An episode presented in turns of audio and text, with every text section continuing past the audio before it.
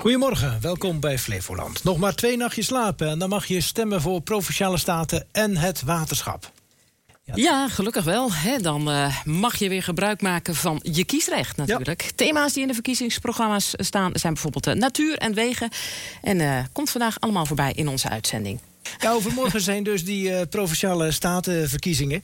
En waar gaat die provincie dan eigenlijk over? Nou, welke thema's zijn belangrijk? Wie is voor of tegen? En op welke partij zou je dan kunnen gaan stemmen? Ja, Welke stelling hebben we vandaag? Want het halen we altijd het kieskompas, hè? Ja, zeker. De IJmeerverbinding met Amsterdam moet een metrolijn worden... en geen autosnelweg. Een bijdrage van verslaggever Gineke Smit. In Nederland moeten de komende jaren heel veel woningen gebouwd worden... om de woningnood tegen te gaan. In Almere Pampus kunnen daarvoor 25 tot 30.000 woningen gebouwd worden.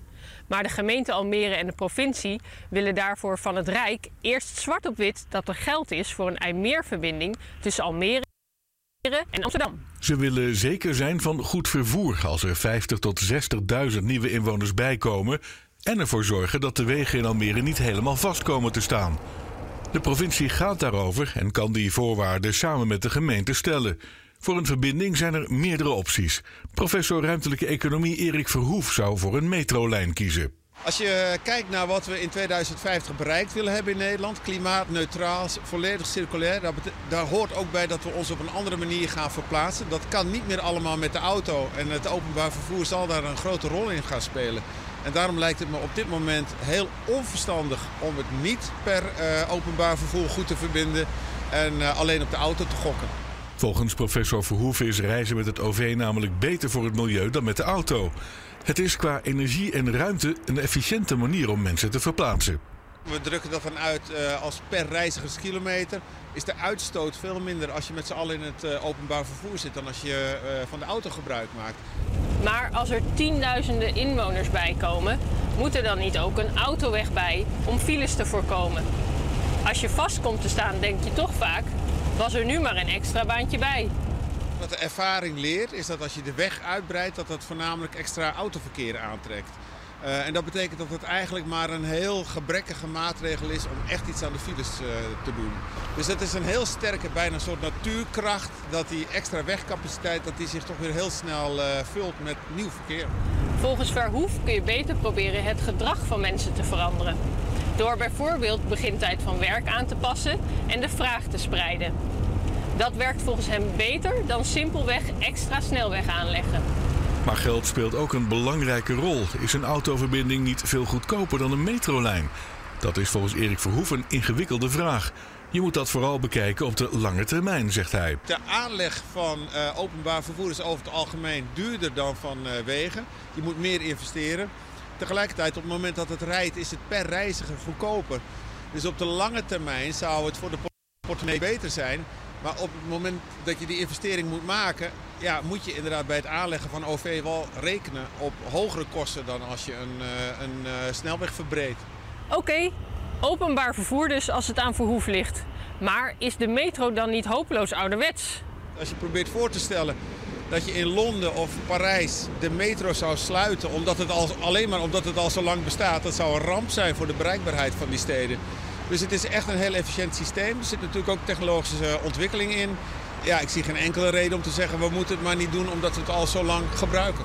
Dan nog een belangrijke laatste vraag. Ben je met de metro ook sneller dan met de auto? Een uh, metro die doorrijdt is in elk geval sneller dan een auto die stilstaat. Ja, dat zei professor van de ruimtelijke ordening Erik eh, Verhoef. Maar wat vind jij? Jouw mening telt. Wil je weten welke partijen het met jouw standpunt eens zijn? Kijk dan op het uh, kieskompas. Dat bereik je via flevoland.kieskompas.nl. Woensdag kun je stem uitbrengen voor Provinciale Staten en voor het waterschap. Ja, dat zorgt dat we droge voeten houden. Daarvoor pompen de gemalen water uit de polders. Het waterschap houdt zich ook bezig met de natuur. Jazeker, zo is er bij gemaal Vissering op Urk een vispassage aangelegd. Vissen kunnen daar via een buizensysteem vanuit het IJsselmeer de polder in. En verslaggever Reo van der Weijden, die nam er een kijkje. Het moet voor de vissen eigenlijk best een belevenis zijn door een buis van 80 meter zwemmen en ook nog eens 6 meter omlaag gaan. Een soort waterattractie. Maar ja, de kans dat de vissen niet op deze manier erover nadenken is natuurlijk best groot.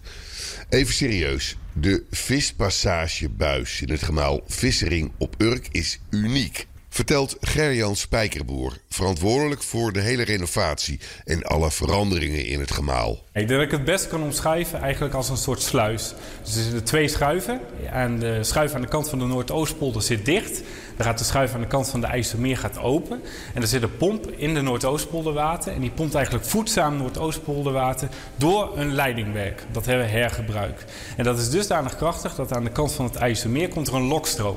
Dat vinden vissen heel erg interessant. Die zien enerzijds lokstroom en anderzijds voedzaam Noordoostpolderwater. Wat toch anders is dan het IJsselmeer. En die gaan vervolgens het leidingssysteem in. En dan gaat de schuif aan de kant van het IJsselmeer gaat dicht. Aan de kant van de Noordoostpolder gaat open. En zo migreren de vissen eigenlijk via vrije val. Maar visjes in de polder laten, is dat waar het waterschap geld aan uit moet geven? Heemraad Piet Boer legt het uit. Een heemraad is een soort wethouder, maar dan voor het waterschap. Er zijn meerdere kerntaken. Eén is het waterbeheer. Dat is een hele belangrijke. Droge voeten houden. Pijl goed op orde. Maar de andere is ook de kwaliteit van het water. Dat is ook een kerntaak van ons. En die kwaliteit van, de, van het water, dat gaat over de chemische kwaliteit, maar het gaat ook over de biologische kwaliteit. En daar horen die vissen en planten en alles weer bij. En als die vis ontbreekt, omdat het een badkuip is waar niks in kan, ja, dan gaat het systeem nooit goed werken. Om te kijken of er een beetje gebruik gemaakt wordt van het systeem, worden de vissen bij de grens tussen IJsselmeer en Polder gefilmd. Je hoort nog een keer Gerjan Spijkerboer. Op dit moment zien we allerlei soorten vissen hier. Stekelbaas, al, de zilt. We zien allerlei soorten vissoorten hier, uh, hier langskomen. En dat camerasysteem detecteert de vis en geeft vervolgens daar een oordeel aan. Namelijk een, een uh, vissoort bijvoorbeeld. Uh, dit levert natuurlijk hele interessante informatie op. Enerzijds voor ons als Waterschap Zuiden-Zeeland om te kijken hoe goed functioneert nu dit systeem. Daar kunnen we op bijsturen als indien mogelijk. Um, maar we zorgen er ook voor dat dit natuurlijk hele interessante informatie oplevert voor ecologische beleidsontwikkeling. Niet alleen voor ons eigen waterschap, Waterschap Zuid-Zeeland, maar ook voor waterschappen en Rijkswaterstaat op landelijk niveau. Tot slot, ook niet onbelangrijk, vissen voor wie het toch tegenvalt in de polder, kunnen ook weer terug.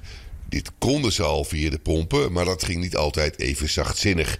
Nu zijn de schroepen van de pompen dusdanig aangepast dat ze minder gevaarlijk zijn voor de dieren. Dat is aangetoond door experts bij dit soort gemalen, op de manier zoals het hier is ontworpen, dat vissen daar geen schade door ontvangen. Um, omdat ze door een, inderdaad door de schroep gaan, maar dat op een dusdanige tempo gaat dat ze daar op een rustige manier doorheen kunnen. En eigenlijk met het water richting het IJsselmeer gaan. Gert-Jan Spijkerboer was dat verantwoordelijk voor de systemen in gemaalvissering op Urk. En dan de sport van het afgelopen ja. weekend. Badmintonvereniging Almere is er dit weekend niet in geslaagd... om de finale van het landskampioenschap te bereiken.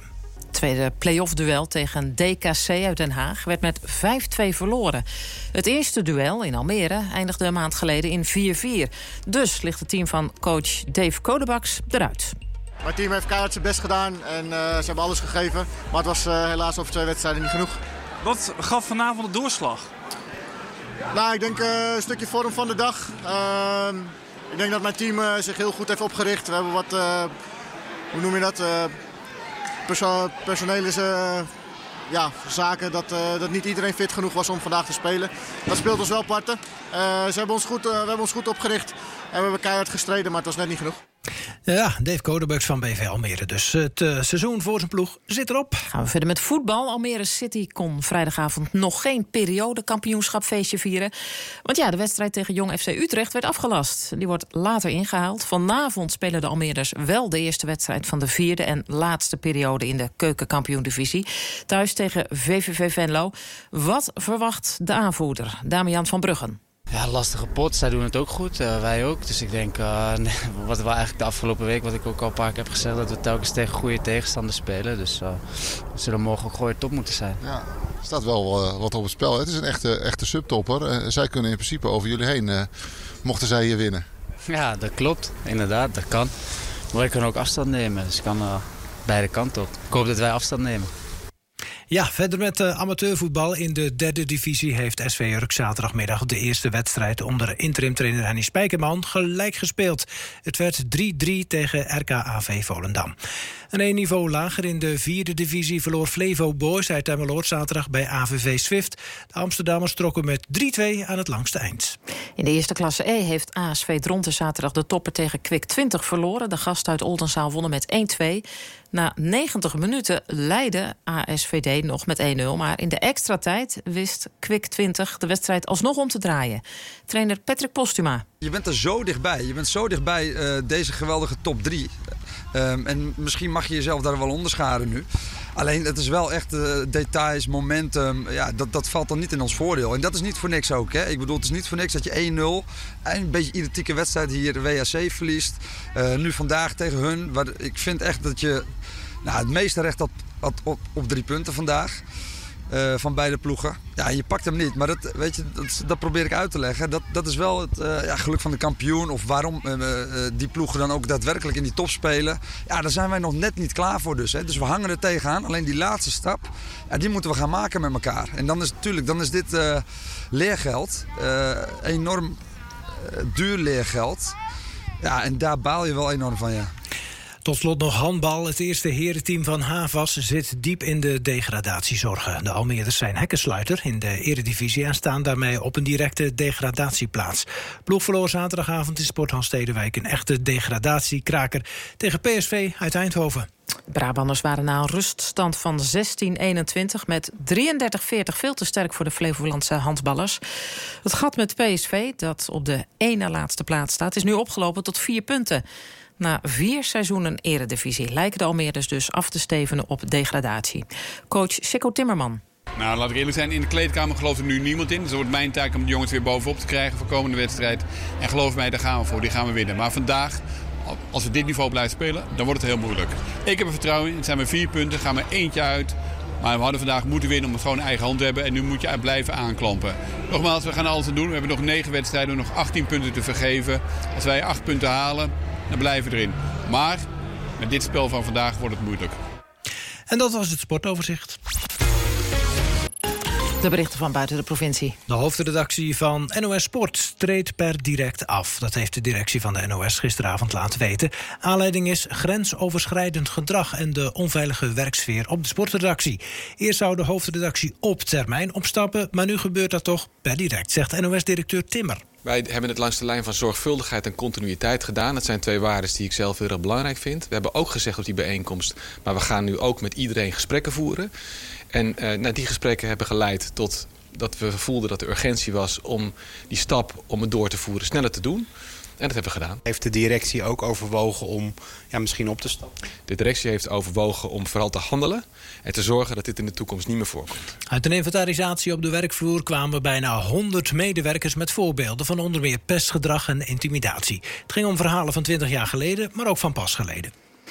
Ja, het ging gisteren in verschillende programma's over de sfeer op de redactie van NOS Sport. In Studio Voetbal wilde verslaggever Jeroen Stekelenburg stilstaan bij slachtoffers van de pestcultuur op de sportredactie. Die zich hier onveilig voelden of die hier iets mee hebben gemaakt dat niet hoort. En um, ja, dat zijn er veel te veel geweest. En, en als je dan naar jezelf kijkt, ik werk hier meer dan 25 jaar.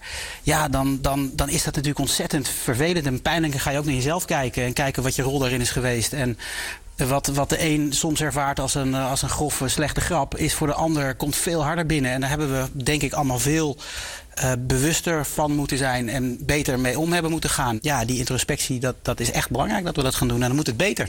Ja, dan hebben we ook nog verkiezingen. Premier Rutte en VVD-lijsttrekker voor de Eerste Kamer Edith Schippers... gingen gisteravond in debat met de partijleiders van GroenLinks en PvdA. Dat was een klassiek links-rechts debat, vooral over armoede, economie en stikstof. De afgelopen vier jaar heeft het kabinet gewoon gefaald in het aanpakken van die stikstofcrisis. Als dat wel was gelukt, hadden we nu gewoon kunnen bouwen, bouwen, bouwen, zegt meneer Koolhuis. In Brabant is daar een probleem. Maar in de rest van Nederland is het probleem nu niet de stikstof. Het probleem in Nederland op dit moment is dat door vaak ook besturen waar jullie in zitten Nee, nee, en niet nee, gebouwd kan worden. Nee, nee, en we niet moeten dat stikstofprobleem onder controle krijgen. PVV-leider Wilders twitterde dat hij niet naar het toneelspel ging kijken. Na woensdag gaan we zo gewoon weer samenwerken, zegt Wilders. Nou ja, daar heeft hij natuurlijk wel een punt. Ja, in de Eerste Ja. Kamer zal Rutte over links moeten. Hè, dat, dat, eh, dat hele, die hele rechts. tegenstelling rechts-links, die er uiteindelijk niet is. Stikstof, de wolf of woningbouw. Welke grote thema's staan er voor de provinciale staten en waterschapsverkiezingen op stapel? Flevoland kiest. Tot en met de verkiezingsdag elke werkdag live vanuit het provinciehuis. Kijk of luister tussen 2 en 5 en je weet wat er leeft in Flevoland.